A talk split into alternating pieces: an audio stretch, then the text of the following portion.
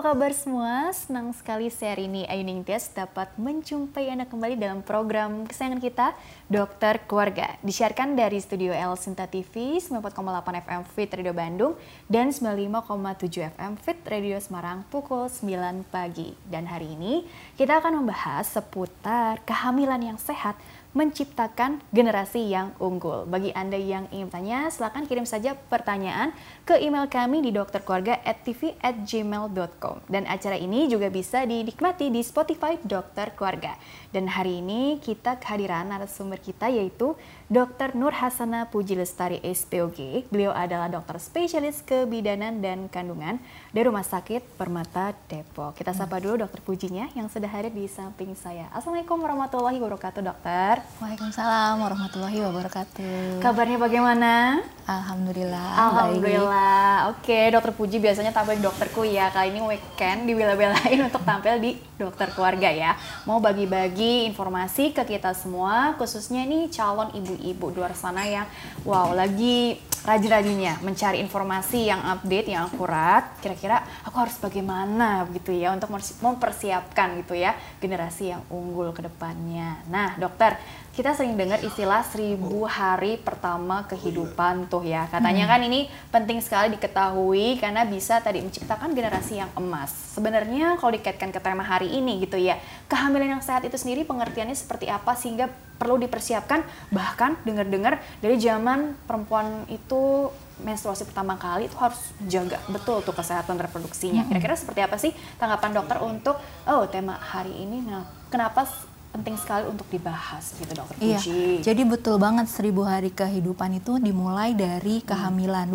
270 hari uh, masa kehamilan dan hmm. 730 hari dari anak lahir sampai usia 2 tahun. Hmm. Uh, seribu hari kehidupan yang uh, baik, yang uh, terpenuhi dengan baik dari nutrisi, dari stimulasinya, dari kasih sayangnya, hmm. itu akan mencetak atau menghasilkan uh, buah hati hmm. atau keturunan dengan kualitas yang terbaik tentunya gitu baik okay. secara mental, secara fisik maupun kesehatan uh, apa uh, sel-sel otaknya sehingga hmm. dia bisa bekerja dan berprestasi di kemudian hari. Wow, artinya hmm. nanti tumbuh kembang anaknya juga iya. diharapkan bisa mendekati optimal gitu ya. Karena hmm. benar-benar sudah dipersiapkan dengan tadi si ibunya ini belajar banyak nih. Apa sih yang perlu aku cari tahu, yang perlu aku lakukan gitu ya. Atau mungkin perlu aku hindari barangkali ya membangun lifestyle yang sehat itu sendiri sebagai seorang perempuan sebagai calon ibu gitu ya. Bahkan benar nggak sih tadi dimulai dari yang remaja karena kan oh biasanya remaja tuh lagi diet, pilih-pilih makanan segala macem. Itu kan sering dinasehatin tuh sama ibunya, eh, kamu kalau makan harus yang seimbang supaya nanti kamu kalau hamil tuh bisa anaknya tuh sehat kuat. Kan sering dengar seperti itu juga tuh dok. Hmm, iya. tanggapannya bagaimana? Uh, harapannya memang ibu hamil uh, pada saat dia hamil uh, sudah uh, apa ya keadaan nutrisi dalam tubuhnya hmm. makro dan mikronutriennya dalam kondisi yang optimal hmm. supaya nanti saat dia hamil bisa memberikan makanan terbaik tentunya untuk uh, sang buah hati dalam kandungannya. Hmm. Nah kesehatan reproduksi memang ada baiknya dijaga uh, dari uh, awal uh, perempuan tersebut sudah menstruasi mm-hmm. karena uh, infeksi misalkan kayak um, menstruasi saat menstruasi nggak uh, nggak pinter jaga kebersihannya oh. nanti bisa jadi infeksi saluran reproduksinya mm. itu mungkin akan juga jadi kesulitan misalkan uh, saat akan mau uh, hamil hmm. karena bisa jadi salah satu faktor resiko uh, infertilitas juga bisa gara-gara oh. infeksi gitu.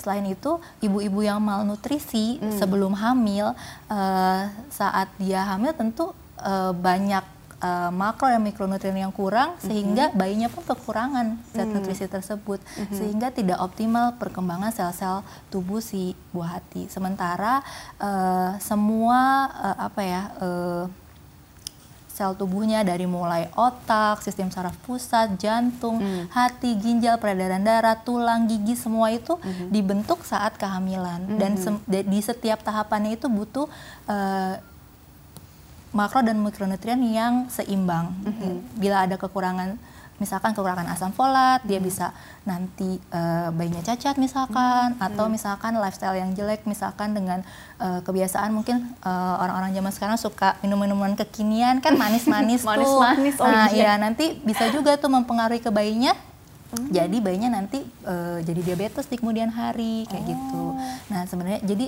dengan kita pola hidup sehat, hmm. makan yang sehat, cukup hmm. istirahat dan tetap uh, aktif bergerak. Jadi nggak hmm. mesti ibu hamil itu harus diem aja, dia hmm. harus uh, aktif juga bergerak, entah ikut yoga, jalan hmm. uh, dan lain sebagainya supaya uh, semuanya optimal. Okay. Hmm. Sehingga cita-citanya untuk menghasilkan Generasi. anak yang uh, sehat, uh. yang pintar, yang cerdas itu bisa tercapai. Amin hmm. ya rabbal alamin. Nah tapi sebenarnya gini, oh berarti kalau begitu uh, gimana ya? Kok tadi kayaknya wah banyak banget ya yang mesti dipersiapkan gitu daripada nanti kebingungan gitu ya. Mungkin ini enggak sih uh, paling enggak berapa bulan gitu ya sebelum merencanakan kehamilan? Artinya kan perlu dipersiapkan matang-matang nih hmm. gitu ya. Apa mungkin ya oke-nya uh, mungkin di rumah sakit Permata Depok nih ada oh poli khusus nih kita bisa diskusi sama dokternya. Dicari tahu kita punya faktor resiko apa sih? Atau persiapannya apa? Perlu vaksin atau apa gitu ya barangkali ya. Jadi uh, paling enggak tuh berapa bulan sebelum merencanakan kehamilan ya dok ya? Supaya bisa dibilang kalau maaf nih kalau ternyata ada masalah ada ada penyakit yang perlu diobatin bisa diobatin dulu sampai tuntas baru nanti bisa merencanakan kehamilannya dengan optimal kira-kira bagaimana tuh ya mungkin kira-kira hmm. 1 sampai tiga bulan sebelum uh, hmm. calon ibu uh, menikah atau merencanakan hmm. untuk kehamilan itu uh, ada baiknya diperiksakan secara keseluruhan hmm. uh, medical check up uh, hmm. untuk uh, calon ibu tersebut dari mulai pemeriksaan darah mungkin dan okay. uh, tentunya yang tidak kalah penting adalah pemeriksaan organ reproduksinya apakah hmm. ada sesuatu di situ hmm. untuk pemeriksaan uh, darah yang tidak kalah penting misalkan pemeriksaan hepatitis hmm. karena uh, ibu yang hepatitis bisa menularkan ke bayinya hmm. dan mungkin perlu persiapan khusus hmm. atau ibu-ibu yang punya penyakit uh, tertentu misalkan punya hipertensi hmm. atau punya diabetes hmm. atau punya penyakit-penyakit autoimun mungkin perlu dikendalikan uh, dulu dalam kondisi terkontrol hmm. agar kehamilannya juga bisa uh, aman, bisa mm -hmm. sehat dan resiko resiko-resiko karena penyakit tersebut di kehamilannya bisa kita hindari. Oke, okay, jadi mm -hmm. sebelum menikah ya tadi ya sebaiknya juga tadi uh, mungkin ada kan suka ya dengar ya paket-paket screening uh, sebelum mm -hmm. menikah mm -hmm. gitu ya itu bagus juga artinya nggak cuma si ibunya aja tapi mungkin pasangannya juga iya, ya suaminya si suaminya juga, juga mm -hmm. gitu ya karena kan ini kan nanti mempersiapkan kehamilan yang sehat kan dari ayah dan ibunya juga mm -hmm. dong faktornya.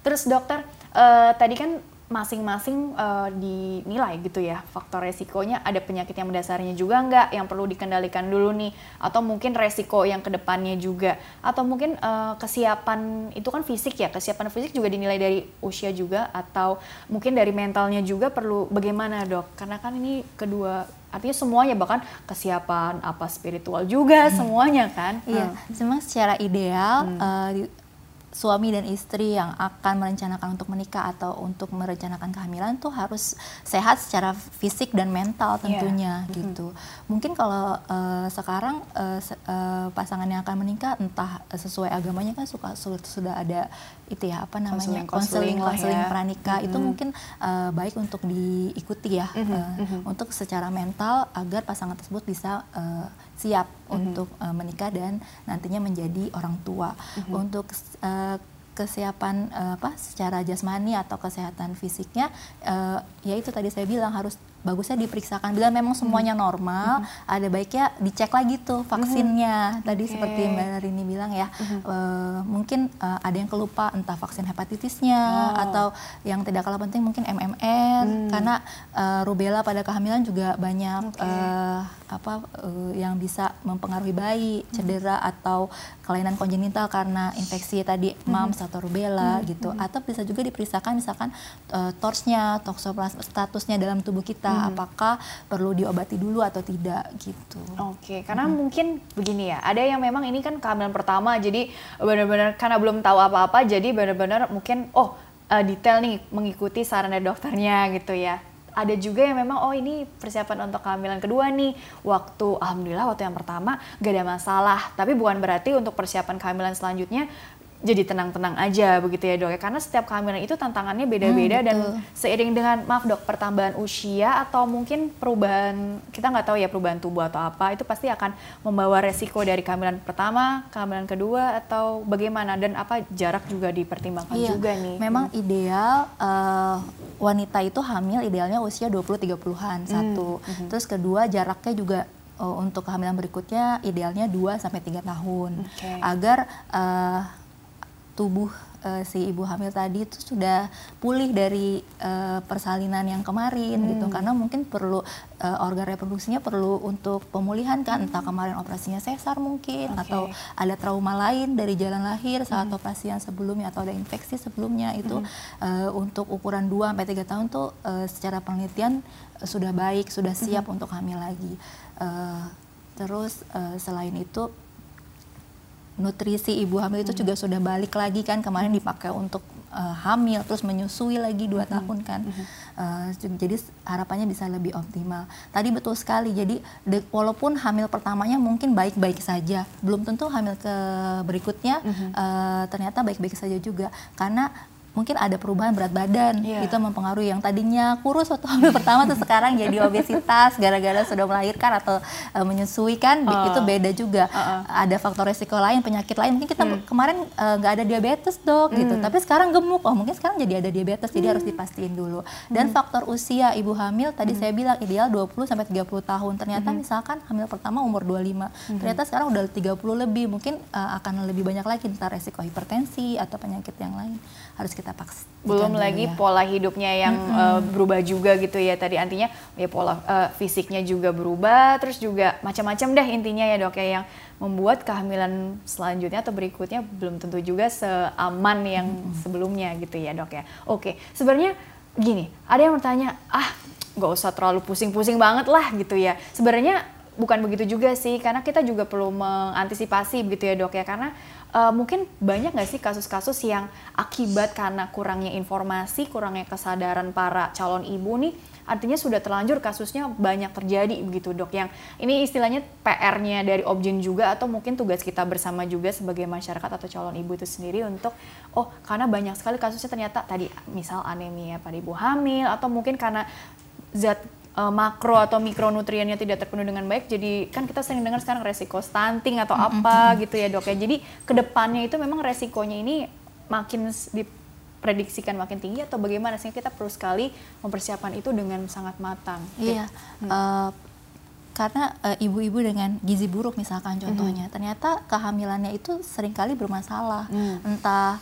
uh, resik apa uh, kelainan-kelainan pada kehamilan misalkan pecah ketuban atau oh. bayi prematur okay. atau uh, pertumbuhan janin yang terhambat mm -hmm. itu mm-hmm. bisa karena uh, kekurangan nutrisi dari ibunya mm -hmm. selain itu penyakit-penyakit seperti hipertensi dalam kehamilan mm. diabetes dalam kehamilan bisa muncul mm -hmm. bila uh, kondisi ibu hamil tidak optimal saat di awal kehamilan okay. seperti itu. Jadi sebenarnya lebih ke penekanan bahwa tiap trimester itu pasti akan membawa hmm. resikonya juga sih kalau ada perhatian-perhatian yang ada harus perhatian di, khusus perhatikan gitu ya. ya di tiap okay. trimester.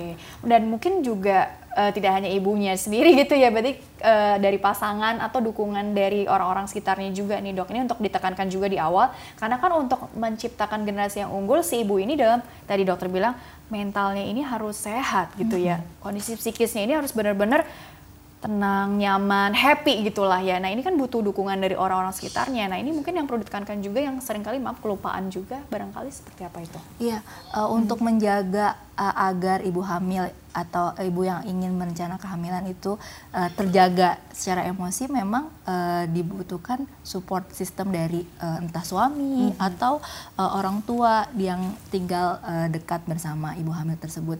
Uh, sebagai contoh kadang uh, saat pasca melahirkan itu banyak stres-stres tersendiri pada ibu hamil hmm. dan itu mungkin secara naluri pun ada goncangan emosi karena faktor hormonal. Oh, uh, bila tidak disadari bisa um, berdampak uh, luas dan berdampak negatif entah mm -hmm. ke ibunya atau ke anaknya juga. Jadi dengan uh, bila apa ya pas uh, pasangannya suaminya atau orang tuanya bisa membaca dengan peka karena sudah tahu nih sebelumnya mm -hmm. bisa ada uh, kemungkinan hal tersebut dia bisa uh, cepat mengantisipasinya atau mencari pertolongan entah ke psikolog mungkin kalau mm -hmm. kalau diperlukan atau mm -hmm. ke psikiater bila perlu. Oke. Okay. Mm -hmm. Jadi benar-benar uh, berarti selain dokter obgyn gitu dokter kebidanan dan kandungan berarti tim medisnya gitu ya katakanlah iya, yang harus. terlibat tuh siapa aja dok ya supaya kita juga dapat gambaran bahwa jangan malu juga kalau misalnya ternyata punya masalah uh, tadi mental yang sebaiknya perlu dikendalikan dulu gitu -hmm. kan supaya uh, oh kita perlu nih misalnya supaya siap jadi ibu. Kan bagaimana mungkin nanti mendidik anak kalau kita sendiri mungkin belum bisa mendidik diri sendiri gitu. Ya ibaratnya kan seperti itu gitu ya. Jadi bagaimana itu dokter? Mungkin uh, siapa aja sih yang terlibat gitu yang perlu kita datangi dulu lah sebelum kita siap untuk tadi entah itu menikah entah itu nanti program hamil itu Nah, sendiri. Kalau secara eh, kesiapan fisik untuk eh, sehat jasmani sebenarnya dari dari mulai kesehatan gigi, mata, THT Gigi, semua. mata, THT, Bila wow. memang ada keluhan itu bagusnya untuk diperiksakan terlebih dahulu Hmm. karena semuanya bisa ada efeknya di kemudian hari. Hmm. Tapi untuk kesehatan eh, kes- untuk mengetahui kesiapan kita mungkin lebih ke psikolog lah minimal ya. Hmm. Eh, untuk tahu eh, apa eh, bagaimana kesiapan kita untuk eh, Hmm. pernikahan atau untuk kehamilan. Mhm, Oke oke begitu Dan sekarang ya. itu kan udah banyak eh, Mhm. seminar-seminar Mhm. atau eh, komunitas-komunitas untuk eh, apa? Untuk jadi keluarga yang sehat, keluarga Mhm. yang eh, bahagia gitu, yang eh, untuk jadi ibu, untuk untuk menikah itu udah banyak kan, jadi bisa diikutin tuh.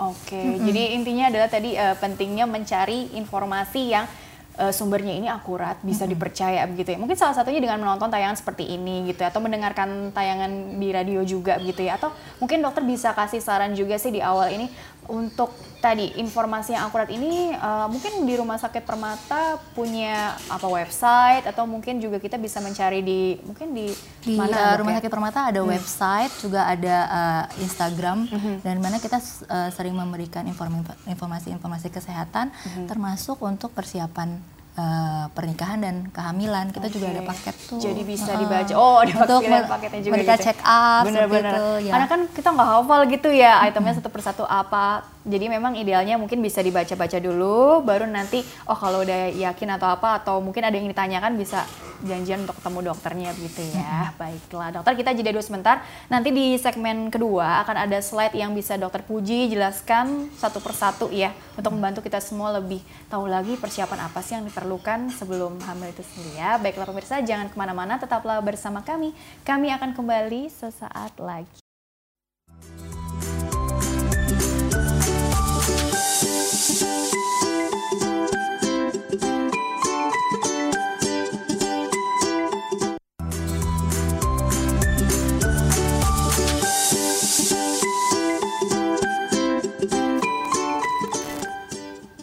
Ya pemirsa terima kasih Anda masih bersama kami di Dokter Keluarga, masih bersama dengan Dr. Nur Hasana Puji Lestari SPOG.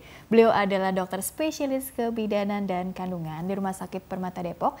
Masih membahas mengenai kehamilan yang sehat menciptakan generasi yang unggul. Wow.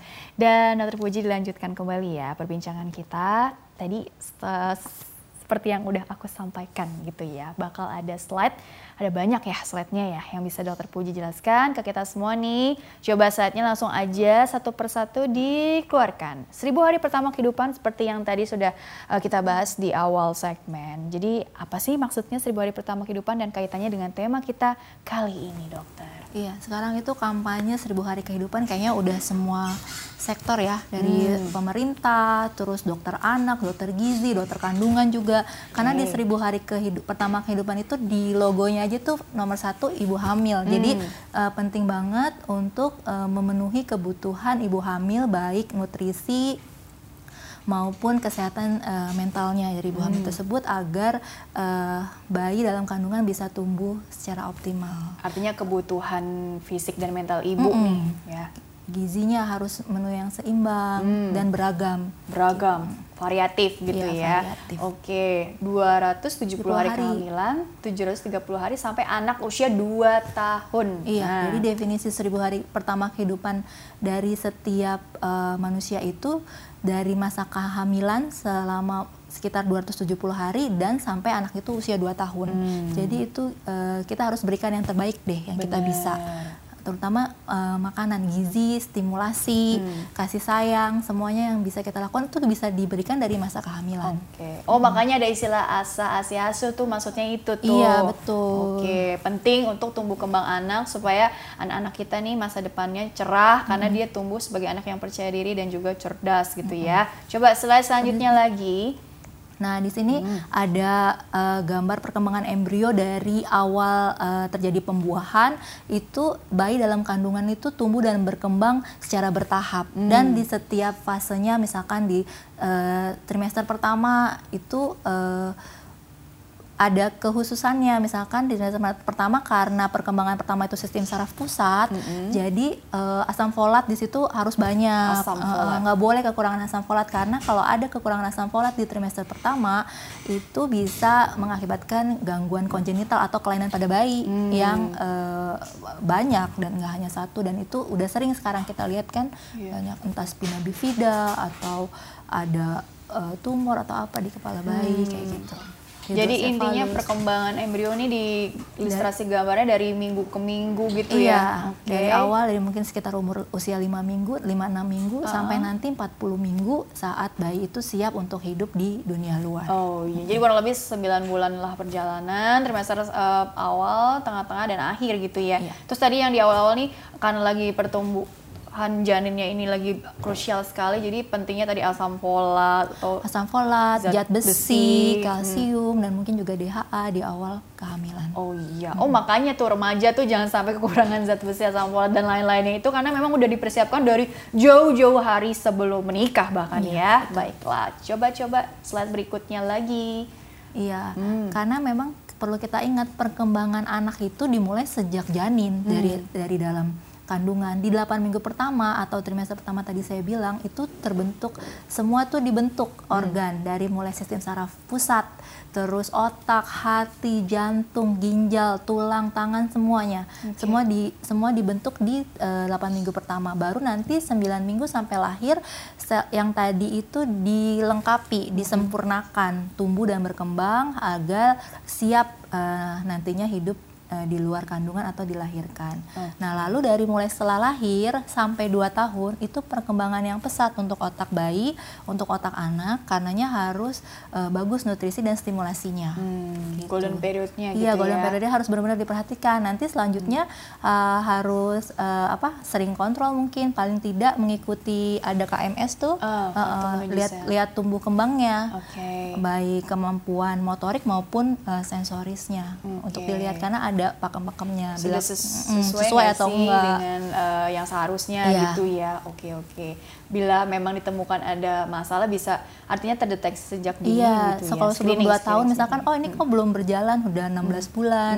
Mungkin perlu dicari tahu apa ada kelemahan dari motoriknya atau ada apa gitu. mumpung belum terlambat lah istilahnya ya di masa-masa mas ini gitu dikejar. Iya, Oke. bahkan kadang sering kali eh, kelainan seperti sekarang tuh banyak kan anak autis atau gangguan sensoris itu sebenarnya bisa kita deteksi dari umur-umur 1-2 tahun dan semakin dini terdeteksi itu akan semakin mudah untuk eh, diatasi atau dikendalikan. Oke, baik. Coba slide berikutnya. Oh, nutrisi Iya, ini. jadi di, eh, eh, kuncinya nomor satu memang nutrisi. Nutrisi di seribu hari pertama kehidupan itu menentukan sekali kemampuan anak kelak untuk belajar maupun bekerja di kemudian hari. Mhm. Jadi kurangnya nutrisi saat kehamilan itu eh, bisa menghambat perkembangan sel-sel tubuh bayi itu dari ujung kepala sampai ujung kaki semuanya deh Mhm. pokoknya. Terus eh, pada ibu hamil dengan gizi buruk itu ternyata banyak eh, apa ya resikonya Hmm. banyak hal negatif yang mungkin akan muncul misalkan gangguan tumbuh kembang Mhm. bayinya misalkan bayinya kecil kayak tadi stunting itu mungkin bisa dari awal. Jadi ba- perdan- pertumbuhan janinnya terhambat harusnya misalkan 32 minggu udah s- eh, 1800 gram dia masih 1500 kecil gitu. Itu nakutnya nanti akan berefek eh, sampai dia besar juga gitu. Terus selain itu ada juga yang sampai meninggal dalam kandungan karena masalah gizi buruk juga sampai kemampuan kognitif dan fisik eh, bayi atau anak nanti setelah lahir itu di- dicet- dicetak atau ditentukan saat dalam kehamilan. Jadi kalau ada yang kurang, ya mungkin eh, dulunya waktu kehamilan dilihat-lihat lagi, oh mungkin dulu memang ibunya makannya jelek atau nutrisinya jelek gitu. Sama pem- masalah kesehatan kronis seperti diabetes, hipertensi itu juga dicetak dari eh, kehamilan juga. Karena sel-selnya itu semua dibentuk dari masa eh, di dalam lahir, apa rahim. Kalau gizi buruk berarti pengertiannya bisa kekurangan atau malnutrisi atau mungkin over ber- berlebihan dok. Eh, bagaimana? Iya bisa bisa dua-duanya. Oh, karena obesitas itu kan Iya. tadi kan bisa memicu eh, maaf diabetes gestasional juga gitu kan ya atau mungkin preeklamsi karena ya pola Karena overweight. itu overweight gitu ya. Oke, faktor resiko juga gitu ya. Baik, coba slide berikutnya lagi. Ah, ini dari. Iya Kemenkes dari ya? Kemenkes juga Hmm. eh, s- apa ya kampanye untuk gerakan masyarakat ya untuk sehat mm -hmm. itu paling utama gizi seimbang. Gizi seimbang di situ bisa kita lihat di gambarnya itu uh, kita harus banyakin porsi makan sayur sama buah. Okay. Kalau bisa kalau kita punya satu piring nasi setengahnya tuh sayur sama buah hmm. gitu. Kalau bisa. Baru yang setengahnya gitu. lagi itu protein dan mungkin uh, secukupnya apa karbohidrat. Dan yang manis-manis itu harus uh, dihindari deh. Kalau hmm. bisa pagi aja minum manis uh, apa uh, teh manis entah susu atau hmm. jus pakai gula gitu untuk di pagi hari. Pagi aja uh, ya. Selain gizi yang seimbang uh, dari Kemenkes juga menyarankan kita tuh untuk uh, aktif bergerak. Jadi hmm. harus olahraga, hmm. exercise, hmm. bukan cuma makanannya sehat, gerak uh, jasmani itu juga harus dengan exercise. Terus uh, kesehatan mental, jadi uh, hindari stres, hmm. cukup istirahat. Hmm. Itu tentu uh, untuk apa menopang untuk uh, hidup sehat semua. relax gitu mm -hmm. ya oke okay. uh, eh, kalau tadi um, kalau hamil itu kan kadang-kadang kita suka dengar ada mual muntah gitu ya tapi bagaimana mesti memenuhi gizi yang seimbang kalau mau makan aja nggak nggak nyaman baru masuk udah muntah mual lagi. Hmm. Prinsipnya bagaimana dok supaya tetap terbutuh terpenuhi kebutuhan kalorinya atau zat gizi makro mikronya tadi? Iya memang di trimester pertama sering kali ibu hamil itu mengalami yang namanya hiperemesis gravidarum atau mual muntah berlebihan hmm. karena uh, hormon kehamilan. Apalagi bila uh, ibu tersebut punya faktor risiko misalkan punya penyakit lambung sebelumnya, hmm. entah gastritis atau apa. Nah Uh, sebisa mungkin kalau uh, mual muntahnya itu ringan kita paling bisa atasi yang paling gampang ya makannya dikit tapi sering hmm. misalkan baru makan dua sendok lalu muntah atau mual ya berhenti dulu nanti makan lagi tapi kalau memang kita baru minum air putih aja udah langsung muntah mungkin udah saatnya kita harus uh, apa uh, mencari bantuan hmm. ke dokter untuk cerita bahwa saya nggak bisa makan hmm. jadi biar dapat obat anti mual hmm. karena uh, selama ini uh, biasanya ibu hamil suka takut minum obat tapi sebenarnya kalau memang itu dibutuhkan hmm. dan ada kok pilihan obat-obat yang bisa kita pakai okay. untuk selama kehamilan di trimester 1. Jadi itu nggak apa-apa kalau memang hmm. dibutuhkan daripada nggak bisa makan. Iya benar-benar. Dan ada kalanya udah kasih obat yang apa minum, tapi ternyata masih tetap mual muntah. Hmm. Oh berarti kita harus ke tahap berikutnya. Kita mungkin harus uh, bed rest dulu di rumah sakit untuk masuk uh, nutrisi parenteral atau masuk obat-obatan lewat infusan dulu hmm. supaya lambungnya bagus dulu, hmm. supaya mual muntahnya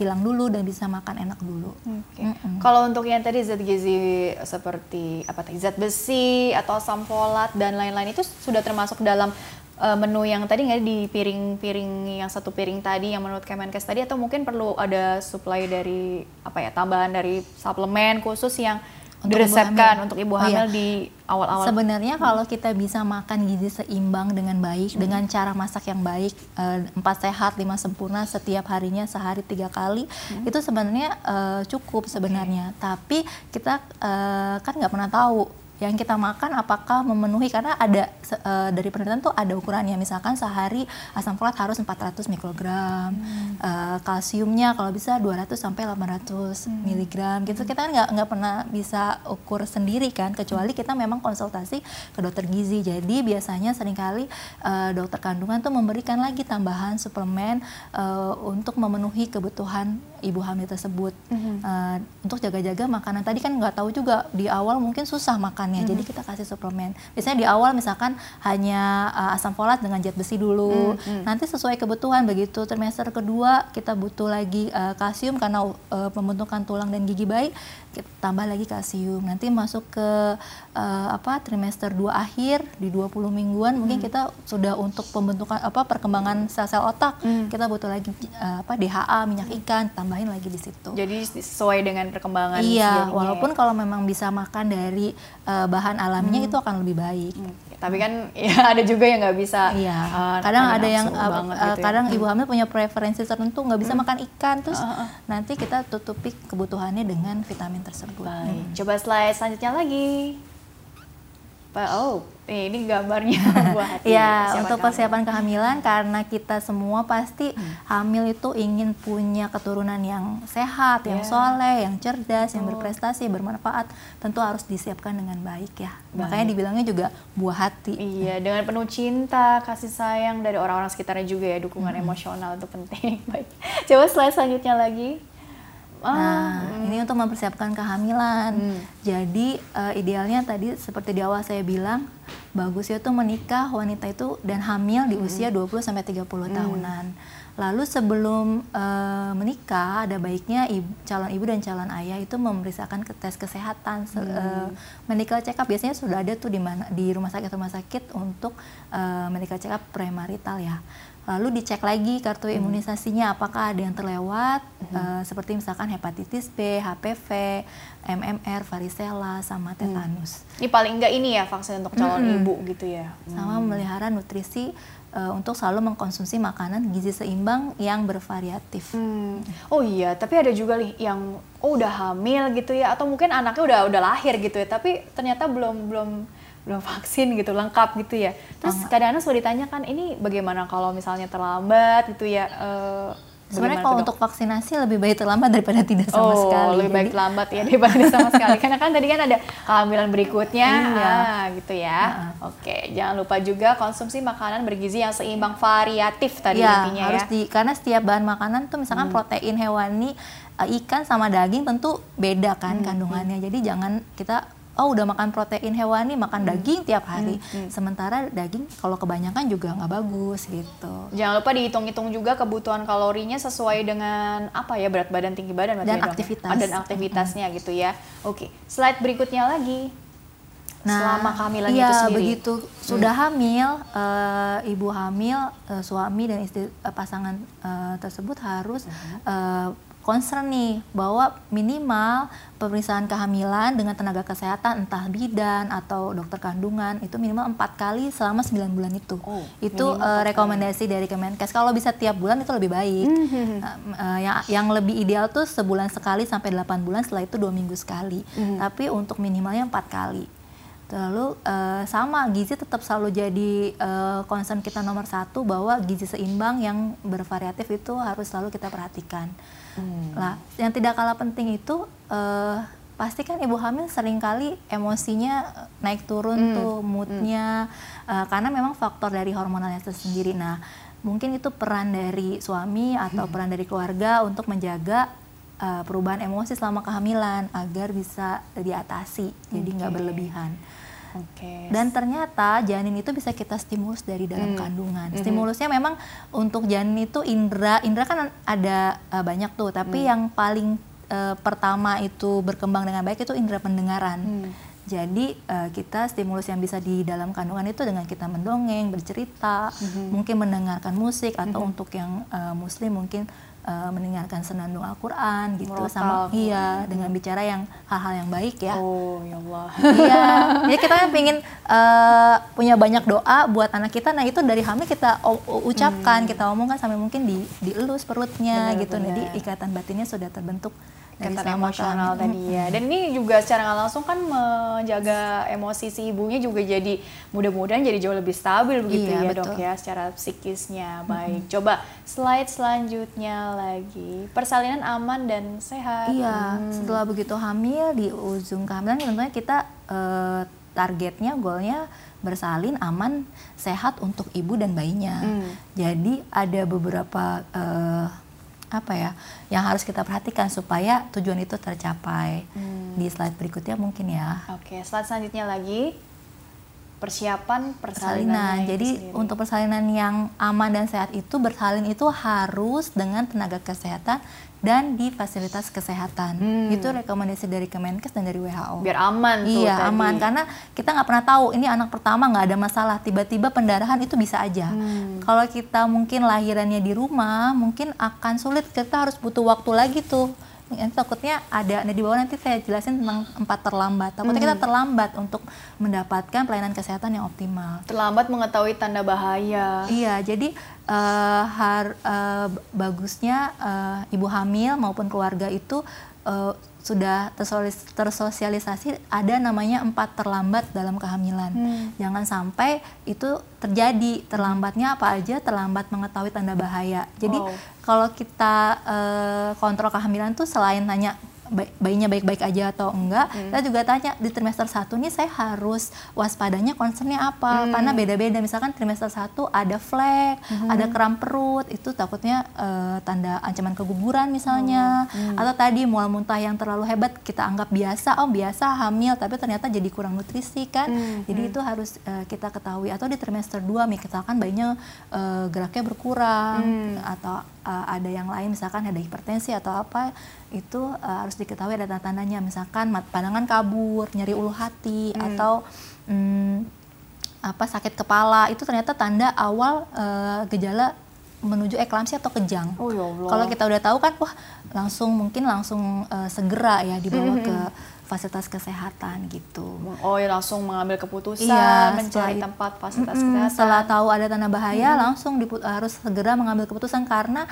uh, kalau terlam, terlambat di uh, lama kehamilan itu keterlambatan yang empat tadi itu salah satunya kita kena gitu ya mm. itu bisa efeknya fatal ya bisa sampai kematian jadi betul-betul harus begitu misalkan kadang kali uh, sudah nih sudah cepat nih tanda bahaya terus sudah datang ke tenaga kesehatan ternyata sama tenaga kesehatan misalkan disarankan hmm. karena misalkan hipertensi tadi hmm. disarankan untuk segera dilakukan operasi misalkan hmm. terus tapi uh, karena ingin sangat ingin persalinan normal misalkan hmm. jadi lama mengambil keputusannya Padahal itu bermain dengan waktu. Mengancam uh, ibunya, anaknya, dua-duanya. Dua Kalau perdarahan atau hipertensi hmm. itu mengancam keduanya, ibunya maupun bayinya. Wow. Jadi harus cepat keputusannya. Oke. Okay. Kalau misalkan bingung, uh, boleh segera langsung cari second opini kali ya. Misalkan yeah. ada dari satu dokter kayaknya nggak serak nih, wah berarti harus segera cari, jangan tunggu besok lagi atau minggu depan gitu, jangan. Oh Jadi, itu haknya pasien ya kalau iya, itu ya? misalkan, oh ini uh, kok uh, kayaknya nggak uh, sesuai dengan hati nurani misalkan oh, misalkan kan nggak bisa kayak gitu ya terus nah itu uh, segera kalaupun uh, mau cari second opini segera jangan tunggu besok atau uh, minggu depan atau kapan oh. itu hari itu juga gitu coba slide-nya bisa ditampilkan dulu lagi slide slide yang tadi uh, oke okay, selain ambil keputusan terus uh, menuju hmm. ke tempat hmm. fasilitas kesehatan kayak tadi pendarahan kadang-kadang hmm. ada yang nunggu dulu suaminya hmm. datang padahal nggak okay. kayak gitu jadi bagusnya makanya kalau di desa-desa siaga itu okay. dia ditempel apa tuh namanya stiker hmm. untuk uh, udah tahu tuh nanti kalau ada apa-apa nanti uh, transportasinya pakai apa okay. apa pakai ambulan dari uh, kelurahan, dari desa atau apa gitu. Jadi kita udah harus mempersiapkan kira-kira kalau nanti ada apa-apa uh, ada mobil di rumah atau oh. uh, bagaimana caranya gitu sudah tahu. Okay. Selain itu uh, jangan sampai dan kita juga udah harus me, apa ya memetakan kira-kira fasilitas kesehatan di sekeliling kita tuh yang cepat tuh di mana hmm. jangan sampai kita udah sampai ke situ eh dokternya nggak ada gitu atau misalkan iya bisa kayak gitu kan hmm. jadi ada harus kalau misalkan nggak ada harus ke mana lagi. Oh iya gitu, gitu ya. Hmm. Oke dokter kita jadi dulu sebentar ya. Nanti dilanjutkan di segmen terakhir ya. Baiklah pemirsa jangan ke mana-mana tetaplah bersama kami. Kami akan kembali sesaat lagi.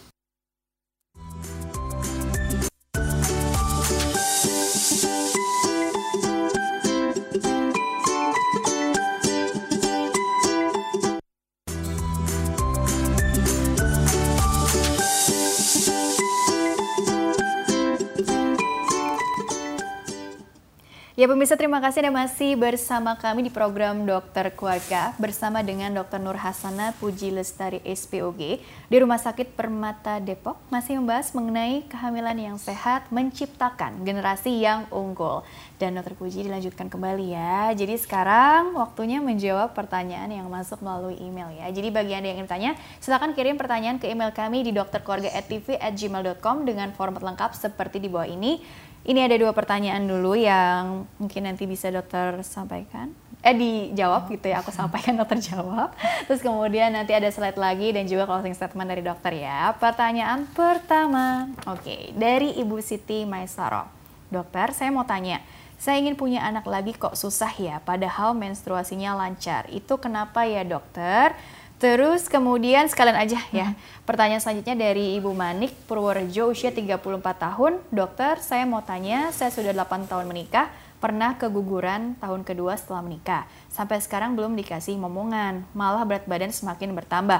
Pada tahun ini saya headnya juga tidak lancar. Tolong sarannya sebelumnya terima kasih. Jadi mengenai bagaimana mendapatkan momongan begitu ya. ya. Persiapannya juga bagaimana. Secara umum mungkin dari eh, contoh-contoh uh, yang tersebut itu bisa diambil kesimpulan dokter? Iya. Untuk pertanyaan yang nomor satu dan nomor dua sebenarnya mirip-mirip ya. Hmm. Semuanya dua-duanya ingin hamil, bedanya yang satu belum pernah hamil sama sekali, yang satu hmm. lagi untuk kehamilan anak kedua. Yeah. Jadi memang untuk uh, kehamilan atau kesuburan itu adalah uh, masalah pasangan. Hmm. Jadi uh, tidak melulu masalah wanita. Jadi setiap bila ada pasangan yang menikah atau yang sedang merencanakan kehamilan selama satu tahun uh, tanpa kontrasepsi dan berhubungannya rutin 2 sampai tiga kali dalam seminggu tapi belum bisa berhasil hamil, itu bisa kita kategorikan adanya gangguan kesuburan. Hmm. Nah, untuk me mengetahui uh, gangguan kesuburannya di mana, ada baiknya diperiksakan uh, suaminya dan juga istrinya. Mm-hmm. Untuk uh, pemeriksaan uh, wanita biasanya kita periksakan uh, pemeriksaan USG yang nomor satu, mungkin juga kita perlu periksa cek salurannya untuk mengetahui ada masalah nggak, misalkan ada gangguan anatomi, misalkan ada miom atau misalkan ada kista, itu bisa dilihat dari USG. Untuk saluran reproduksinya sendiri, saluran rahimnya kita tahu dari uh, pemeriksaan saluran atau HSG. Takutnya ada sumbatan. Hmm. Uh, headnya teratur tapi kalau ada sumbatan misalkan sering keputihan berulang um, itu uh, bisa juga jadi kesulitan uh, karena spermanya tidak bisa membuahi sel telur karena kan sperma harus melewati saluran rahim untuk uh, terjadi pembuahan. Atau ada masalah dengan suaminya dengan kualitas spermanya jadi itu diperiksakan. Dan bila ada masalah untuk masalah kesuburan laki-laki ada baiknya dikonsulkan ke dokter kesuburan laki-laki atau ke dokter andrologi okay. gitu. Uh, untuk yang berat badan berat, iya untuk yang kehamilan kedua memang tadi uh, untuk untuk mempersiapkan kehamilan kita harus flashback atau kita lihat uh, ada masalah apa yang berbeda dari hmm. kehamilan pertama. Tadi faktor berat badan atau faktor head yang tidak teratur itu sepertinya uh, mengarahkan uh, adanya uh, perubahan dari uh, hormonal ibu. Uh, mungkin karena penambahan berat badan tadi jadi uh, headnya jadi nggak teratur jadi tidak setiap bulan terjadi ovulasi atau tidak terjadi masa subur di tiap bulan nah itu hmm. uh, paling nomor satu itu uh, ibu coba dulu hidup sehat hmm. hidup sehat olahraga uh, seminggu tuh 90 menit hmm. itu udah cukup hmm. misalkan dibagi jadi tiga kali berarti 30 menit 30 menit 30 menit hmm. atau dua kali 45 menit 40 menit itu nggak masalah olahraganya olahraga yang ringan hmm.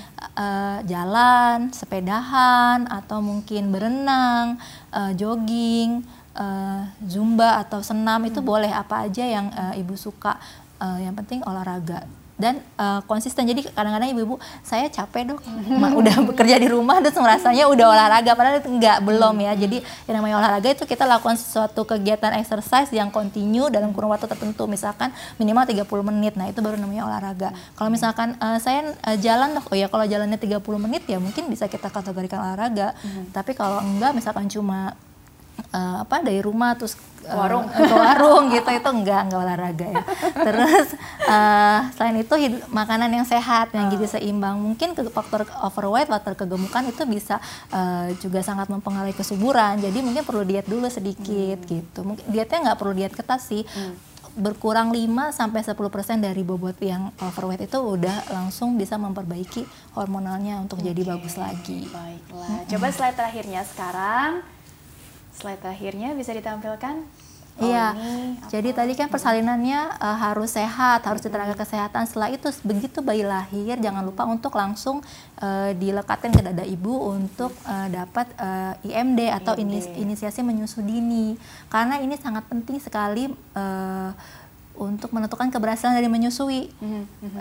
uh, bayi yang IMD uh, 30 sampai 60 menit uh, begitu lahir biasanya selalu berhasil menyusui sampai 2 tahun, okay. hampir selalu berhasil gitu. Mm -hmm. Karena itu menguatkan bonding, terus merangsang oksitosin, oh. jadi asinya juga banyak, terus bayinya juga uh, apa ya lebih mudah untuk nanti uh, apa uh, latch on untuk menyusu, mm. untuk mengisap di puting atau di payudara. Iya, gitu ya. karena mm. uh, ternyata masalah menyusui itu juga ada banyak.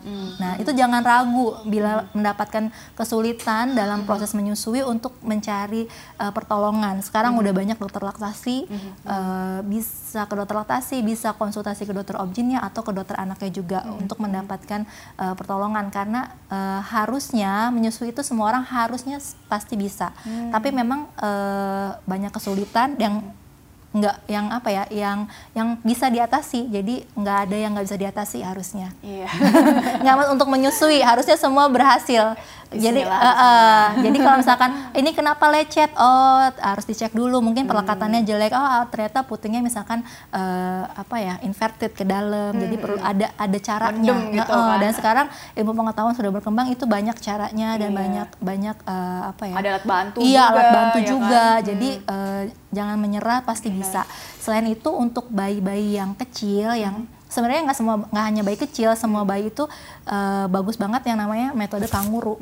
Terutama sebenarnya diperuntukkan untuk bayi kecil yang berat badan bayinya Rendah. rendah kurang dari 2.500 jadi itu inkubator alami. Hmm, hangat tuh hangat ibunya. iya jadi dia skin to skin lalu di apa dipakai gendongan atau eh, pakai penutup eh, ya udah pelukan aja tuh Ya seperti kanguru lagi menggendong Iya, anaknya gitu kan. uh, itu selain uh, hangat, terus dia juga uh, damai, karena kan suasananya seperti dalam kandungan. Iya. Jadi begitu bayi lahir sampai 40 hari tuh uh, bahkan orang bilang itu kayak trimester keempat, karena dia masih ingin suasana yang sama seperti di dalam kandungan yang hangat, yang gelap. Dia bisa dengar bunyi jantung ibunya, dia bisa uh, cium bau ibunya itu kan udah biasa dan um, kalau perlu itu bisa sambil kita buat ngapa-ngapain aja gitu bisa sambil jalan sambil mungkin baca buku atau makan itu Oke. bisa di dengan kanguru itu Anytime itu ya Iya, sebenarnya. Oke dokter, karena waktunya juga terbatas, jadi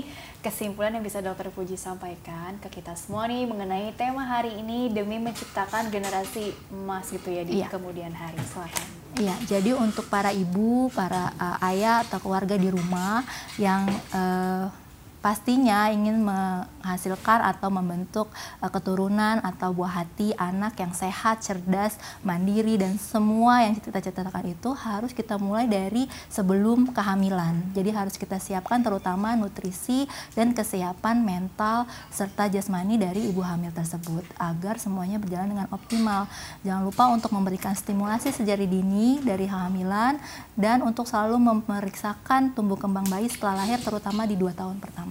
Oke, baik dokter Puji, terima kasih telah berbagi ilmunya di sini. Insya Allah membawa banyak manfaat Amin. untuk orang banyak ya. Sukses selalu, berkah selalu untuk dokter Puji ya. Baiklah, pemirsa, terima kasih juga Anda telah mengikuti program ini. Saya Rini Ayuning Tias, beserta seluruh kru yang tugas. Mohon undur diri dari hadapan Anda. Terima kasih dan sampai jumpa.